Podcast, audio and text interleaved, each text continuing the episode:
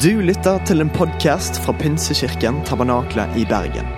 Vi tror at kirken skal være en plass hvor mennesker trives gjennom alle livets faser. En kirke for hele livet. Ønsker du å bli bedre kjent med oss eller holde deg oppdatert? Besøk vår Facebook-side eller ptb.no. Her er ukens tale. Fantastisk å være tilbake igjen etter en uh, travel sommer for noen av oss. og Kanskje noen har fått lov til å hvilt litt mer og slappe litt mer av. Uansett godt å være samla igjen som en stor familie. Uh, spesielt hjertelig velkommen til uh, du som kanskje er ny. kanskje du akkurat har flytta til Bergen eller tilbake igjen til Bergen. Her er litt ulike folk i litt ulike faser av livet. Du er i hvert fall hjertelig velkommen. utrolig godt å få lov til å være sammen her med alle dere i dag, som jeg ser på da som min egen familie. Eh, og det er jeg så, så, veldig veldig glad for. Og Nå vet jeg at sikkert mange her hadde lyst til å hoppe og danse ut sammen med Leo og bli med Barnekirken. Jeg skal prøve å ikke være kjedelig i dag. Eh, det var en evangelist, en ganske kjent evangelist som sa en gang at den største synden en predikant kan begå, det å være en kjedelig predikant. Og det er veldig mye sannhet i det. det, det men forkynner vi Guds ord og holder oss til det, så blir det levende. Jeg håper at i dag så skal dere få noe ut av det som blir delt, at dere skal bli oppmuntra. Og kanskje det sitter noen her som har hatt en litt kjip sommer også. Som kanskje ikke har hatt det så, så bra og hatt det så godt.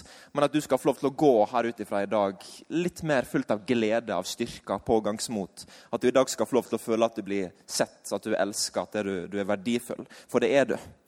Uh, og Noen av oss har hatt en veldig fantastisk sommer. Uh, jeg har vært rundt og farta og fått lov til å tale på konferanser sommerstevner rundt om i landet. Og det er veldig gøy å få lov til å tjene Jesus. Det er fantastisk å få lov til å være med på det som Jesus gjør rundt om i verden. Og bare slenge seg på hans oppdrag og så forkynne om han. Og Det fine med Jesus er at når du snakker om han, så har han en tendens til å dukke opp. Og det er veldig praktisk, syns jeg. Uh, og jeg vet at han er her i dag. Jeg tok han med meg. Det er også veldig praktisk. Bruker å gjøre det overalt, sånn sett. Eh, men det var veldig gøy i sommer, og spesielt få lov til å møte igjen mennesker som eh, man kanskje har forkynt til et år tidligere, på sommerstevna i fjor eller eh, for et par år siden. Og så kommer de opp og så sier de, du, jeg var på møte i fjor sommer, og da ga jeg livet mitt til Jesus. Eller jeg var på møte i fjor og så ble jeg inspirert, og nå har jeg reist ut i misjon og begynt å jobbe med det. Og liksom møte mennesker som kommer og forteller at Jesus har grepet tak i dem. Og Det er det jeg håper litt at skal skje her i dag, at du går her ut ifra at du har fått noe fra himmelen. Det er derfor jeg har på meg det som jeg kaller predikantsokkene mine. eller noen av de. Det er sånne sokker med pølse på. Pølse i brød. Og det er for at du skal få noe å tygge på. Og For det er veldig viktig på møtet at du får noe så du kan gnafse litt på, tygge litt på, så det, så det sitter igjen. Det er veldig viktig. Og Det er visse ting en predikant alltid må ha på møte, og det, det tenker jeg er ganske viktig. det er innenfor. Så klart Bibelen det er nummer én. Forkynner du uten Guds ord, så begynner du å slite. Eh, og så har man alltid med seg frisk. Alltid en sånn pakke med frisk i lomma. fordi at det er veldig kjipt når du blir bedt for. Og så har personen spist tørrfisk rett i forveien.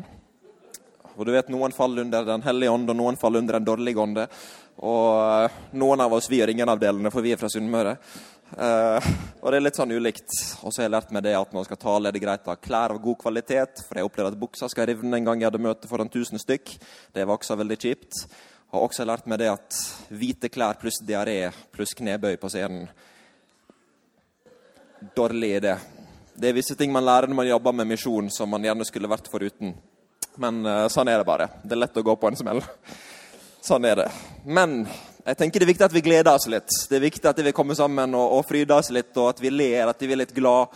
Og, og, kanskje du tenker at jeg er litt sånn uh, glad kristen, og jeg er jo egentlig det. fordi at når du er frelst, og du skjønner hva, hva liv du har fått, og hvem du tjener, hvem du tilhører, og hva, hva fremtiden din innebærer, så blir det, det er vanskelig å ikke bli glad. Selv om livet kan være litt tøft, og det kan være utfordrende, og det kan komme angrep, det kan være kjipe ting som skjer, vi kan være litt nede, så kan vi glede oss i det håpet vi har i den personen vi følger, han vi kjenner, nemlig Jesus. Og, og I første Peters brev så, så snakker Peter akkurat om det her. Jeg tror vi får det på skjermen også, kanskje. Han snakker om en usigelig glede full av herlighet som vi skal få lov å, å, å ta del i når vi, når vi når frem til, til, troens mål. Sjelens frelse, eller vi når fremover. Og Det kan være litt vanskelig av og til å være fylt av denne gleden og hele tiden kjenne på at å, vi er glad, vi er vi er fullt av Guds herlighet. fordi at av og til så føles det ikke sånn ut. Det gjør ikke det. Og Kanskje når du våkna i dag og, og du så tenkte du, å, jeg har ikke lyst på møte, og du våkna opp og du verken følte deg frelst ut eller så frelst ut når du så i speilet, så tenkte du det her blir en kjip dag. Men så kom du i gang likevel. Og For livet kan være litt sånn sant? at følelsene de kan gå litt opp og ned. Men det er viktig at vi tar, tar vare på denne gleden. Og spesielt vi som kristne, tenker. Fordi at Går vi ut der til en mørk og fortapt og døende verden og er bare sinte og sure, hvorfor skal de da ha det som vi velger å, å tilby til dem? Hvorfor skal de ville ha det hvis vi går rundt og alt er forferdelig og alt er grusomt? Selv om vi så klart skal være ærlige og søke hjelp når vi trenger det, og stå sammen og hjelpe hverandre, vi, så har vi en glede vi skal få lov til å ta del i. Og Jeg husker så godt en, en, eh, en pastor i USA som sa det til meg, en ganske stor menighet. Han sa at det er én ting du aldri må miste hvis du skal tjene Jesus, for da er løpet kjørt. Så tenkte jeg, hva er det? Og så sa han det er gleden, og det er humoren. For at mister du det, så går du fort på en smell. Det er viktig at du klarer å beholde det, at du beholder den gleden, at du kan fryde det og være glad på tross av det som skjer. At du da kan ha fokuset på Han. Og Når man da f.eks. jobber med misjon, sånn som jeg gjør, så får man se veldig mye av en mørk verden. Man får se det veldig foran seg. Så klart også i andre yrker, hvis du er kanskje lege eller politi eller jobber i rusomsorg eller slike ting. Vi var ute i, i går kveld i rusmiljøet og evangeliserte der blant de. Så ser man mørket. sant? Så, så, kan man se det og kjenne det, og man hører det. Og Jeg jobber jo i områder med veldig mye fattigdom. I det landet der vi jobber mest på Filippinene, så er det 80-90 barn som dør hver dag pga. sult. Det er ganske mørke tall. Det er dystre tall.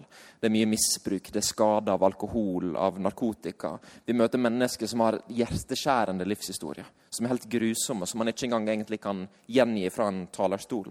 Jeg har holdt barn i, i hender som har vært døende pga. mangel på mat og underernæring og, og mangel på medisin og, over 40 millioner der vi jobber som lider av sult. Sant? Og da blir det ganske mørkt. Og det kan være ganske tøft, det kan være ganske vanskelig. Og i Norge også så har vi høye tall på depresjon. Vi har mennesker som sliter, mennesker som lider og ligger nede. Og det kan virke så mørkt. Det kan virke så håpløst. Det er bare å slå på TV-en, så får du nesten depresjon med en gang. Når du begynner å bla gjennom nyhetene eller se på det som er der generelt, så skjønner du vi er i en mørk verden. Vi er et sted der det kan virke ganske mørkt. Men det fine er at vi er verdens lys at Jesus han er verdens håp. Og han skinner der det er mørkest, og gjør det som, som, bare han kan gjøre. Og Når vi da går ut og vi sier 'Jesus, mitt liv er ditt, jeg skal tjene deg', så kan vi gå der det er mørkest, der det er håpløst. og Vi kan stråle og skinne for han, og så kan han gjøre det som ingen andre kan. Og det er han veldig god på. Han har faktisk svart belte i å gjøre umulige ting. For det er han flink på, det er han dyktig på. Og da begynner det å bli gøy. Når du skjønner at det er ikke bare mørkt og det er håpløst og dystert, men at du skal få lov til å gå inn der det er mørkt, og skinne å være fylt av kraft, fylt av himmelens herlighet og få lov å stråle for Jesus. Og Jeg delte så vidt en historie her i vår. Uh, dere får kanskje litt sånne historier noen av dere har hørt før, og noen ikke har hørt før. Men dere, uh, som dere vet, min tale er alltid krydra med vitnesbyrd og historie. Sånn er det bare. For det er veldig gøy å vitne om hva Jesus gjør. Og det, det tenker jeg det er viktig å ta vare på. Men uh, når vi er der som det er mørkt, så kommer Jesus. Og Jeg møtte en gutt i vår som hele sitt liv hadde bare opplevd vold og misbruk. Det var, var på Filippinene. Og bare fattigdom. Han hadde opplevd sult hele sitt liv. Faren hadde vært voldelig mot han. Moren brydde seg ikke om han, og når faren døde, så fortsatte hun å være voldelig. Og han hadde ingen gode folk rundt seg. Han tilhørte ingen menighet i starten, noe han gjør nå. da. Og alt hadde bare vært helt forferdelig. Og når jeg hørte hans livshistorie, så begynte jeg å gråte. Og jeg tenkte Gud, det skal ikke være sant. Jeg begynte å, å, be for han, og Vi prøvde å bruke tid på han og så inn i livet hans og elske han og elske familien. Men det, det var ganske vanskelig. For når mennesker har opplevd mye ondskap og vært gjennom mye mørke, så begynner de å bygge litt vegger rundt seg. Sant? Litt murer rundt seg, og det blir vanskelig å nå inn til dem. Og denne gutten han var blant annet helt allergisk mot kroppskontakt. Så skulle prøve å gi han en klem eller en klapp på skuldra, eller noe sånt, så trakk han seg unna og fikk nesten skjelving og ble livredd. Pga. all volden han hadde vært gjennom. Men du vet, ingenting er umulig for Jesus. Så I løpet av noen få uker så, så satt jeg der på basen vår på Filippinene, der vi driver arbeidet vårt ut ifra. Så kommer denne gutten inn, og så satte han seg ved siden av meg. Og Så, går, og så lener han seg inn til meg og holder rundt meg og gir meg en stor klem. Og Så ser han på meg og så spør han, kan du være pappaen min. Og Da skjønte jeg nå Jesus har du begynt å gjøre noe. Og når han møtte Jesus, han begynte å, å, synge lovsang i menigheten Det er sånn passe surt, men han synger i hvert fall. Og du ser at Jesus har grepet tak i ham. Du skjønner Når man jobber litt med sånne ting, og, og også i andre yrker, kanskje som lærer, og, og får høre ulike livshistorier, ser at mennesker lider, så, så, kan man gråte litt. Og det gjør jeg også. Men vi må beholde den her gleden. Og Jeg kunne så klart gått rundt, og det kunne sett ut som jeg var døpt i sitronsaus og eddik, men det hadde vært litt kjipt. Både for min del og for, for alle andre. Men hvis vi da minner oss på hvem Jesus er, hva han har gjort, og alle løfter som vi har i han, da blir det god stemning. Da begynner ting å forandre seg. Og det som er, det er at Jesus han er god. Han er god. Det er hans natur. Det å være god, det å være kjærlig, det er hellig. Det er hans natur. Vi kan gjøre gode ting. Vi kan gjøre kjærlige ting. Vi kan gjøre fine ting. Jesus er ikke en som bare gjør gode ting eller gjør fine ting eller gjør kjærlige ting. Han er god. Det er hans natur, det er essensen av hans natur. Det vil si at hele hans liv, hans karakter, alt han gjør, alle ting han jobber med, alt han gjør i og gjennom våre liv, det er drevet av kjærlighet. Det er drevet av hellighet, av renhet, av perfeksjon. Og det er aldri noen skjulte motiv. Og han er konge, han er, han er herre, han er løven av Juda. Det er alltid skummelt å si løven av Juda tross at kongenes konge, for det var en gang jeg sa løvenes konge istedenfor. Men Jesus han er, han er Gud. Sant? Han er Guds sønn. Han har autoritet, og han har makt. Og Jeg tenkte mye på det i, i Johannes kapittel 11. Så det er en veldig kjent historie der om, om Lasarus, som vi alle her sikkert kjenner godt til. Der Lasarus blir vekt opp fra de døde. Og Det er en fantastisk historie. Mange fantastiske vers og mange gode poeng man kan ta ut fra den talen her. Men det er én ting jeg tenkte over en gang. Jeg satt og leste Johannes 11, som er et av mine favorittkapittel i hele Bibelen. Så satt jeg og så på det. Og så tenkte jeg, her er Jesus, han går inn her til gravsteinene. Sant? Og så står det at Jesus han roper med en høy røst. 'Lasarus, kom ut!' Og så, og så satt jeg og så på de ordene og tenkte jeg, her er noe veldig sånn spesifikt som jeg la merke til. At Jesus han måtte spesifisere at det var Lasarus som skulle komme ut. For hvis at Jesus går inn på et gravsted, eller på en gravplass, og Jesus roper høyt 'Kom ut!', så blir det liv. Bokstavelig talt. For hver en grav hadde åpna seg opp, hver en person hadde stått opp igjen. Jesus måtte presisere det, fordi at når han taler, så skjer det. Fordi at han har autoritet, han har kraft. Det, det, står, at, det står, at, all, makt i himmelen og på jord er gitt ham. Han sier det skjer, sånn er det bare. Og han har gitt oss noen løfter i sitt ord, som jeg bare skal ramse opp kjapt her. Blant annet I Lukas 17 så står det at Guds rike inni oss. I Romane 8 så står det at den samme ånd som reiste Kristus opp fra de døde, bor i oss. Det er god stemning. Det er ganske gøy. I 2. Korinterne 5 står det at vi er ambassadører for Kristus. I 1. Peter 2,9 står det at vi er en utvalgt slekt, et kongelig presteskap, et hellig folk som er kalt til å forkynne Hans storverk. Kalt ut av mørket og inn i Hans underfulle lys. Og ikke bare det, men så sier Matteus 5,14 at vi er verdens lys. Og det er Jesus sine egne ord. At vi, jeg og du, vi som følger Han, som kjenner Han, som har gitt våre liv til Han, vi er verdens lys i mørket. Og så kan vi begynne å komme med alle slags unnskyldninger, for det er vi veldig gode på. Spesielt i Norge. Og si at ja, men jeg er ikke så veldig talentfull, jeg har ikke så mye å, å komme med. Og vi begynner ofte å snakke oss selv litt ned i sånne ting. Men vet du hva? Du har noe å komme med. Du har talent, du har gave, du har et gudgitt potensial. Du lever for en hensikt. Gud har en plan med ditt liv. Og du har kanskje ikke peiling på det, hva det skal være. Og, Det var en som sa det på et stevne i sommer, at vi er alle en del av Guds store symfoniorkester. Og det er mange, det mange ganger i livet jeg har følt meg som litt han fyren som står i bakgrunnen og dynker litt på et triangel. Og Det er sånn vi kan føle oss litt av og til. Men vi er alle en del av det store symfoniorkesteret. Og alt vi gjør, det er viktig når vi gjør det i hans navn, i hans kjærlighet, drevet av han, i hans vilje. Uansett hvor lite eller hvor stort det måtte se ut. For vi har en tendens til å være veldig fokuserte bare på resultat. Hva er det som skjer her og nå? Mens Gud kanskje er mer interessert i trofasthet over tid, for at han vet at det er det som gir de beste resultatene. At det er det som gir den største høsten. Det er det som gir forandra liv. For at Gud jobber litt annerledes enn oss mennesker, faktisk. Og det er veldig greit. Og Når jeg tenker på, på Guds folk og jeg tenker på Guds menighet, så får jeg ofte et bilde i hodet. Og Jeg har jo vokst opp på Sunnmøre. Jeg har vokst opp eh, med en far som er skipsingeniør og vokst opp med mange skipsrederi og mye skipsbygging rundt om på Sunnmøre. Og Når jeg tenker på Guds rike, så ser jeg ofte for meg et av de her skipene her. Og jeg ser for meg spesielt et, et redningsfartøy. Et ganske svært et. Du kan se for deg et kystvaktskip, om du vil. Og så tenker jeg det er liksom litt Guds rike. Det er Guds rike. Noen liker å si at ja, vi er ikke et cruiseskip, vi er et krigsskip. Og så tenker jeg ja, men først og fremst skal vi redde folk, ikke gå til krig. Først og fremst skal vi drive med redning og redde mennesker ut av synden, ut av mørk, ut av elendigheten, ut av sykdom. Det er vårt kall. Det er det vi er kalt til. Men så vet jeg, da, pga. det min far jobber med, og pga. alle de skipene som jeg har vokst opp med og fått lov å være med på turer med noen av de og sånne ting, at det er ganske mange sving for å få et sånt skip til å fungere. For når vi hører om redningsaksjoner og vi hører de fantastiske historiene, og ting det har blitt laga filmer om, så ser vi de som hopper ut på bølgene. vi. Så ser vi de som blir fyrt ned fra helikopter, som risikerer livet sitt på høye bølger og liksom gir alt. Og det er de historiene vi sitter igjen med. Men lenge før det skjedde, så var det en som sto og måtte sveise på det skipet. der. Lenge før det skjedde, var det ingeniører som måtte sitte og planlegge alt, og de måtte gjøre det detaljert, for gjorde de en feil, så kunne det skipet synke. Og når det først var, var, i sving, og det var betalt for, for noen måtte betale for det også, og, og finansiere alt det der, så kunne det legge ut og kunne gå på oppdragene de skulle. Men da også er det mange sving. Da har du de som jobber om bord i skipet, du har kapteinen, du har matrosen, du har de som er i maskinrommet. Du har folk som jobber med ulike ting, som lager maten, som vasker toalettet. Og så har du de som hopper ut på bølgene. Men ikke bare det. Du har de som er igjen på land, som sitter i, i radiotårn og snakker og kommuniserer med de her. De på land som er klare til å ta imot de som blir redda de som skal følge opp de her som blir redda ute på de her bølgene der ingen andre vil gå. Og se alle de her sammen på det samme oppdraget. Fra begynnelse til slutt. Og alle er like viktige. For feiler én, så kan det føre til at hele oppdraget går i dass. For å si det rett ut. Og sant er litt Guds rike.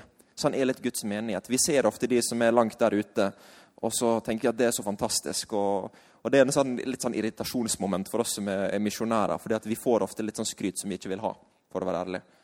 Og så er det sånn ah, 'Du er så flink som står på.' Ja, men ikke like flink som de som står der og lager mat til alle de folka vi når. Eller de som jobber dag og natt, er der hele tiden når en kan være i Norge og spise god mat hos dere her i menigheten. Så står de på likevel og er der og er trofaste i ulike roller der de tar vare på alle de her og følger de opp på det ene og det andre. Fordi at vi er et stort folk som står sammen på samme oppdrag, og alle rollene er like viktige. Og Kanskje folk har prøvd å, å trykke deg litt ned og har prøvd å ødelegge deg. Og kanskje fienden har kommet imot deg med alt som han har. Det får du heller tolke som et godt tegn. Hvis han har prøvd å angripe deg og komme imot deg. Og jeg vet at livet kan være tøft.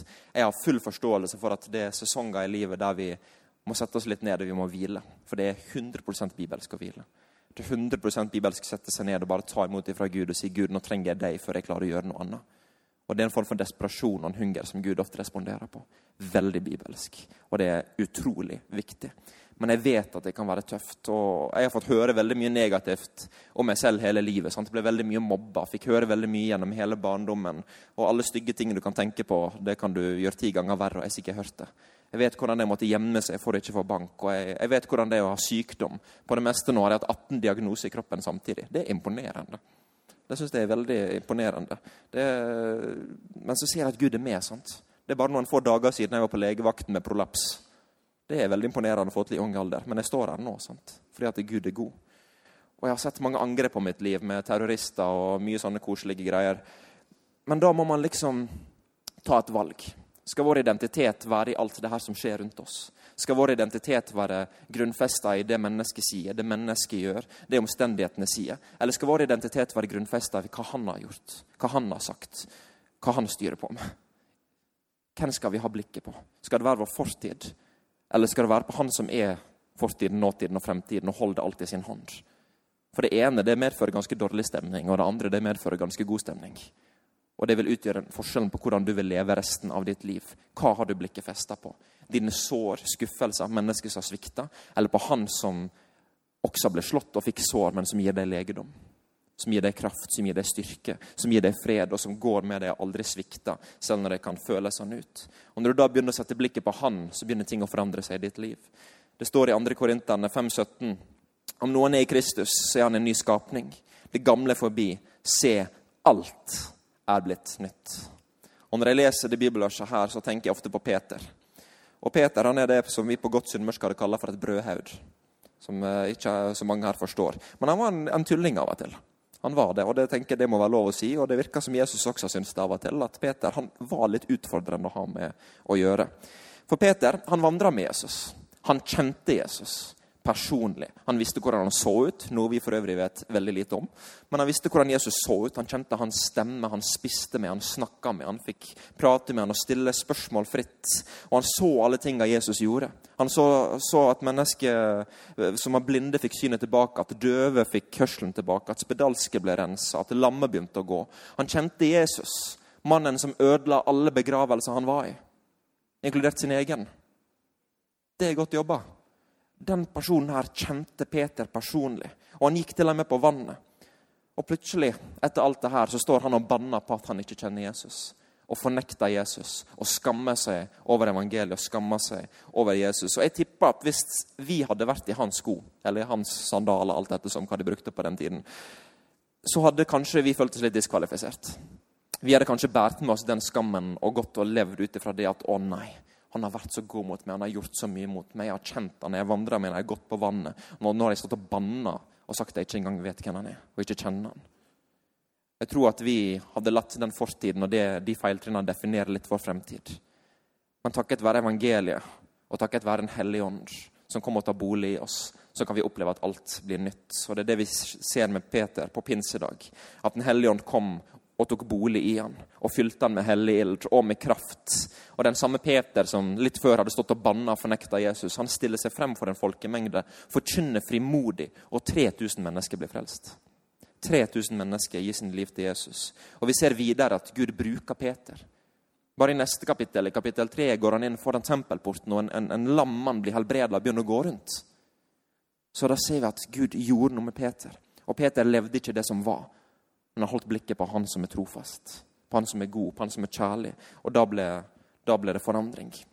For noe vi ofte gjør, det er at vi setter oss ned, og så deler vi bare på fortiden. Og så blir vi komfortable med det. Eller kanskje vi blir komfortable med slik ting er, og slik ting har vært. Og så glemmer vi litt at Gud han har nye ting han ønsker å gjøre i og gjennom våre liv. At han har nye ting han ønsker å gjøre gjennom deg personlig. Og jeg bruker å si at den største trusselen vi som Guds rike har mot vekkelse, det er ikke islam. Det er ikke en annen religion. Det er ikke ateisme, det er ikke pride eller alle de tingene her som du kan ramse opp. Langt derifra. Den største trusselen kristendom har mot vekkelse, det er når vi blir så komfortable og vi blir lunkne og bare setter oss ned og sier alt er fint. Alt er fint sånn det Og klapper oss litt på skuldra og sier nå er det koselig. Det kan stoppe Guds rike fra fremgang og fra å gå fremover. Og, det, og det, Når vi ikke lenger blir avhengig av Guds ånd og Guds kraft, men alt blir bare en sosial aktivitet, og det stopper opp der, da stopper Guds rike opp. Men når hans folk bøyer knær og sier Gud, kom og fyll oss med din ånd, fyll oss med din ild, gjør noe nytt i og gjennom oss. Nå trenger vi deg, for vi er lei av sånne ting er. Og så leser vi Bibelen og ser at det er noe vi vil ha tak i. Og når vi da begynner å bli desperate, så kommer han. For det har han lovd. Og som jeg sa, han kan ikke lyve. Han er trofast. Men kanskje vi av og til også har tro at vi, vi har det, at vi har skjønt det. Mens i realiteten så er det noe mer Gud ønsker å, gi til oss. Og Det også ble så levende for meg på, på Filippinene nå i uh, mai, eller når jeg var der sist gang. Så satt jeg og snakka med en gutt som jeg kjente godt. Fikk han til Jesus for mange år siden, han og familien. Han heter, Warren. Og Hele familien tok imot Jesus. De ble, ble frelst, fylt med en hellig ånd. Flere av de ble helbreda, begynte å gå fast i menigheten. Og mora en av kokkene våre som lager mat når vi har matutdelinger. Og så har de hatt det ganske tøft, spesielt gjennom koronatiden, og blitt enda fattigere. Og vi har prøvd å hjelpe mye, men de er ikke akkurat de beste på økonomi og sånne ting. Så de, de, de kamper hele tiden, og det er vanskelig å finne jobb sant, i et fattig land. Og så ser jeg på Warren, og så ser jeg at han har blitt veldig, veldig tynn. Og jeg skjønte det at han er så tynn nå at han kan omtrent springe mellom regndråpene uten å bli våt, liksom. Og jeg så at eh, klærne var litt slitt og sånne ting, så jeg, jeg satte meg ned og prata med han. Og spurte du, hvordan går det egentlig. Så sa han jo det går veldig bra. Det går veldig fint. Så sa jeg ja, har du mat? Så sa han ja da, jeg spiser hver dag. Eh, så spurte jeg ja, har du, har du klær? Så sa han ja, ja, ja, det også har jeg. Ja, Så alt går fint, liksom? Ja, absolutt. Ja, i familien alt går fint, alt er greit? Ja, ja, ja, alt er helt i orden. Så tenkte jeg det er et eller annet her som ikke stemmer. Så begynte jeg å grave litt. da. Jeg fant ut at jo da, han var, var helt ærlig. Han hadde mat. Han spiste én gang per dag. Det var alt. Av og til bare en liten bolle med ris, liksom. Og Så gravde jeg litt til, og så fant jeg ut at jo, han har klær, men alt han har, er to T-skjorter, en bukse og et skopar som er så små at han har smerte i hele kroppen og ryggen pga. det. Han får seg til å gå skikkelig, og det blir, blir trampa inn. så han, Det har ødelagt mye av kroppen. Og så skjønte jeg liksom at han er ganske fattig. Han sliter veldig mye mer enn det han selv innser. For han var veldig ærlig og mente at ja, han hadde godt, han hadde fint, og alt er greit. Mens i realiteten så var ikke alt greit. I realiteten så mangla han ganske mye. I realiteten kunne han hatt det langt bedre. Og så tenkte jeg det der ble et godt bilde for meg på hvordan det av og til kan være med oss også i den vestlige verden. Selv om vi kan ha det veldig fint utad, vi kan ha en plass å bo, vi kan ha mat på bordet, og alle de tinga her, så er det likevel noe vi mangler. Som vi ikke skjønner. Og Warren han fikk hjelp og hadde det kjempebra nå, han og hele familien, når vi, når vi tok tak i det og skjønte det. Men da begynte jeg å tenke på noe som står i Hannes' åpenbaring. Og en veldig populære vers som ikke alltid ble lett så mye fra talerstolen, jeg ble, men jeg ble minnet på det i dag og ønsker å lese hele det avsnittet her. I eh, Johannes' bebaring 3, 15-22 så står det 'Jeg vet om gjerningene dine'. Du er verken kald eller varm. om du enda var kald eller varm. Derfor, fordi du er lunken, og verken er kald eller varm, vil jeg spy deg ut av min munn. Det blir bedre utover her, så bare hold deg fast. Fordi du sier 'Jeg er rik', har fått overflod og har ikke behov for noe, og ikke vet at du er elendig, ynkelig, fattig, blind og naken, så rådgjør jeg deg til å kjøpe gull av meg. Gullet renser til ild, så du kan bli rik, og hvite klær, så du kan være påkledd så din nakenhets skam ikke skal bli avslørt. Og øyensalve til å salve øynene dine med, så du kan se. For alle dem jeg elsker, refser og tukter jeg. Er derfor nikjære, omvend deg. Se, jeg står for døren og banker. Om noen hører min røst og åpner døren, vil jeg gå inn til ham og holde måltid med ham, og han med meg. Og den som seirer, vil jeg gi og sitte med meg på min trone, slik jeg også har seiret og satt meg med min far på hans trone. Den som har ører, hør hva Ånden sier til menigheten. Og kanskje når du hører sånne vers, så syns du det pirker litt borti det. Kanskje det treffer litt og kan bli litt sånn ukomfortabelt. Og jeg må bare si at jeg er frelst og skal være i himmelen. Og hvis du er frelst, så skal jeg være der og plage deg. Så du må bare bli vant med det, og min tørre humor. Men når vi leser det verset her, så tenker jeg at det her kan treffe oss i den vestlige verden litt. Og det tror jeg vi kan være ærlige og ydmyke nok til å si. Det tenker jeg, at det er greit at vi kanskje tror at vi har fått til alt, og vi har alt. Vi har hytte og båt og bil og hus og liksom fått til alt og har alt vi trenger og mat på bordet. Og så går vi litt på møte, og så blir det bare en sosial aktivitet. Det blir bare en litt sånn sosial sammenkomst der vi kommer og har det fint og synger noen sanger, får en boost for en ny uke, og så blir det kristent livet. Og så stopper det opp der. Men kan det hende at vi har gått glipp av noe?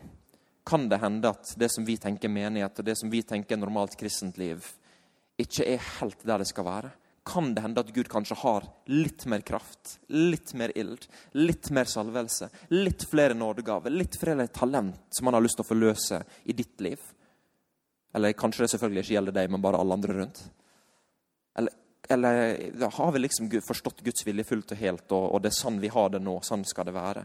Jeg tror at Gud ønsker å gjøre noe mer. Jeg tror at uh, en forandring det begynner med at vi individuelt setter oss ned og sier Gud, hva ønsker du å gjøre med mitt liv? Hva ønsker du å gjøre med mine hender, med mitt hjerte? Hva ønsker du å si gjennom min munn?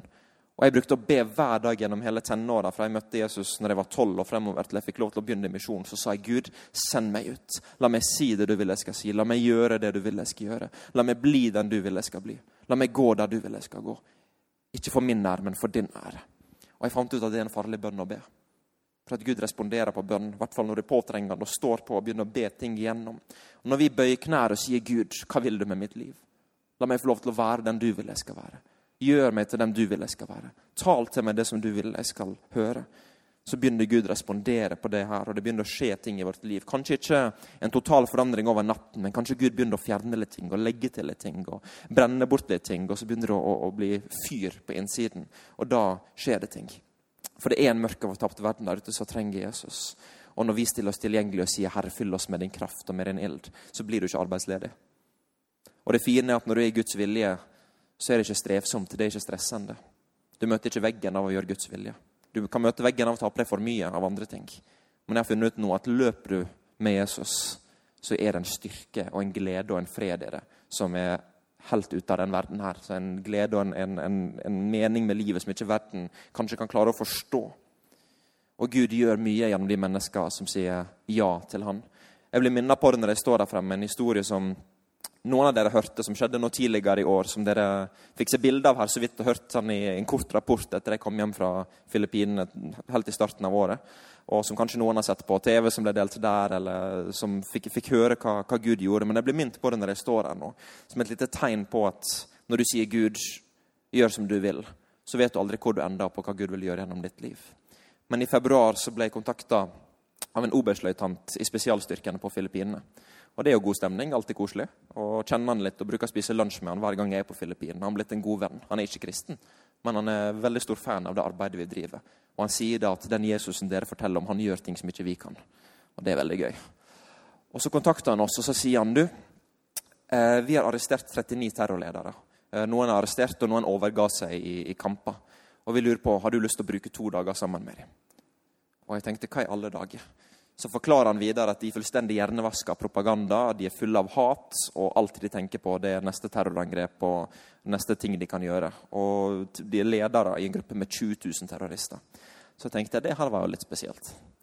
så begynner han å forklare litt videre og si at vi kan stelle i stand en operasjon der vi sikrer hele byen i to uker. Setter i gang 130 elitesoldater, og de sikrer området. Og så sender vi de 39 terrorlederne til basen deres, og de sover og bor hos dere. Vi forsørger maten, og så sørger vi for bevoktinga.